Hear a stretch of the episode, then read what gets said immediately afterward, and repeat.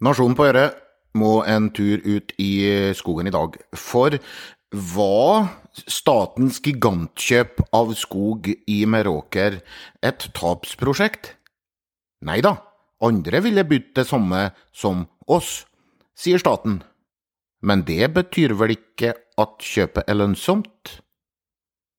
Fra Lars Hertevik til Theodor Kittelsen til black metal inspirerer den norske skogen kunstnere og kunst. Politikk er som kjent det muliges kunst, og nå vil kontroll- og konstitusjonskomiteen på Stortinget finne ut om regjeringa tok sine kunstneriske friheter og brøt handlingsregelen for å sikre seg trøndersk skog. Det meste av Meråker kommune var i 100 år eid av familiene Astrup og Fearnley. Men i fjor la eierne Meraker Bruk AS, med 1300 kvadratkilometer areal, ut for salg. Regjeringa var interessert. Staten fikk innhenta en såkalt forretningsmessig riktig prisvurdering på 1,8 milliarder kroner for eiendommen, ifølge Dagens Næringsliv. Få måneder senere så mente statens rådgiver Pareto at eiendommen kunne være verdt 2,4 milliarder. Staten endte med å by 2,65 milliarder kroner. Forbløffede aksjonærer i Meraker Bruk beskrev summen som en lottogevinst. Eks-styremedlem Jon Aksel Torgersen sa prisen er for høy til å tjene pengene inn igjen. Det her ligner svært på situasjonen i 2010. Da betalte Statskog 1,725 milliarder kroner for Borregaardskogene.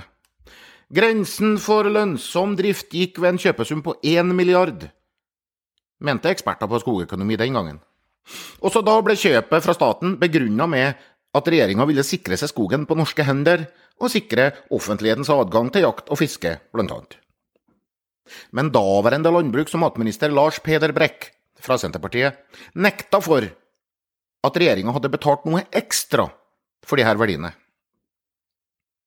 Brekk sa at Statskog SF på forretningsmessig grunnlag har lykkes i å kjøpe, vil gi foretaket et bedre grunnlag for effektiv drift.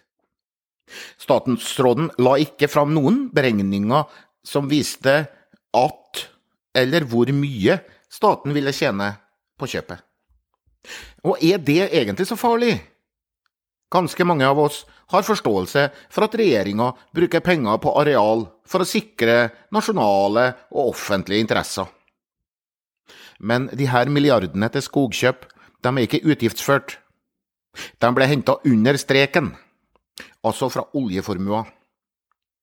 Slike omplasseringer av oljefondet må ha en forventa finansiell markedsavkastning, som altså tilsvarer avkastninger som pengene kunne fått i oljefondet. Hvis ikke, så er handlingsregelen brutt. Så tenker du kanskje, kan ikke staten være en mer langsiktig investor enn en privat eier av skog? Ja, kanskje. Men langsiktighet, det betyr også økt risiko.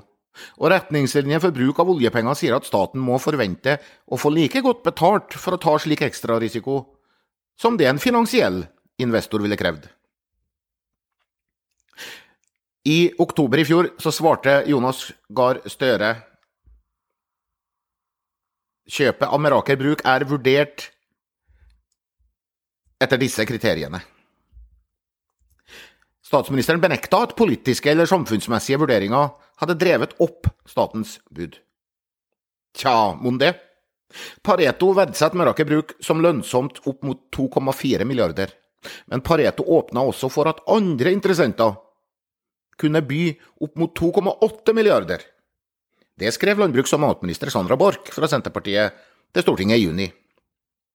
Og derfor, sa Borch, lå statens bud på 2,65 innenfor ramma av hva andre budgivere kanskje kunne gi. Det er et problem med den forklaringa her. At noen andre kunne tenkes å by 2,65 milliarder, er ikke et bevis for at investeringen er lønnsom. Store og attraktive utmarkseiendommer uten priskontroll selges langt over takstrett som det. Kjøper kan verdsette et eget tun og eksklusiv jakt med venner, familie og forretningsforbindelser så høyt at en fint kan gå med økonomisk tap på kjøpet. Ingen går jo i pluss på hytta si eller jakta. Vi vet at Kjell Inge Røkke var interessert i Meråker. Regjeringas retorikk om kjøpet av Meråker Bruk handler delvis om at utenlandske interesser kunne være interessert i å kjøpe seg inn og skaffe seg nærvær og innflytelse i Norge. Verken rike jegere eller utenlandske makter lar sine bud begrense av hva skogen kaster av seg i kroner og øre. Det finnes gode argumenter for at staten bør overby alle for å sikre seg eiendommer som Meråker Bruk, men det er altså ikke lov til å bruke oljefondsmidler til formålet. Regjeringa kunne lett ha ført kjøpesummen som en utgift. SV ville garantert stemt for en slik utgiftspost. Den gir jo både økt offentlig eierskap og økt nasjonal kontroll. Det ville vært som å kjøpe stridsvogner eller kampfly. En utgift for å trygge nasjonale interesser. Tanks og F-35 lønner seg jo ikke økonomisk, og skal heller ikke gjøre det. Isteden fikk Stortinget høre en vag historie om at det ikke finnes noen kostnad i kjøpet av Meraker Bruk. Nå vil Stortinget ha historien ut av den mørke trønderskogen. Det gjenstår å se om historien sprekker i dagslys. Enten du forlater en skogstur eller ikke, så ønsker Nasjonen på Øre en fortsatt riktig god dag.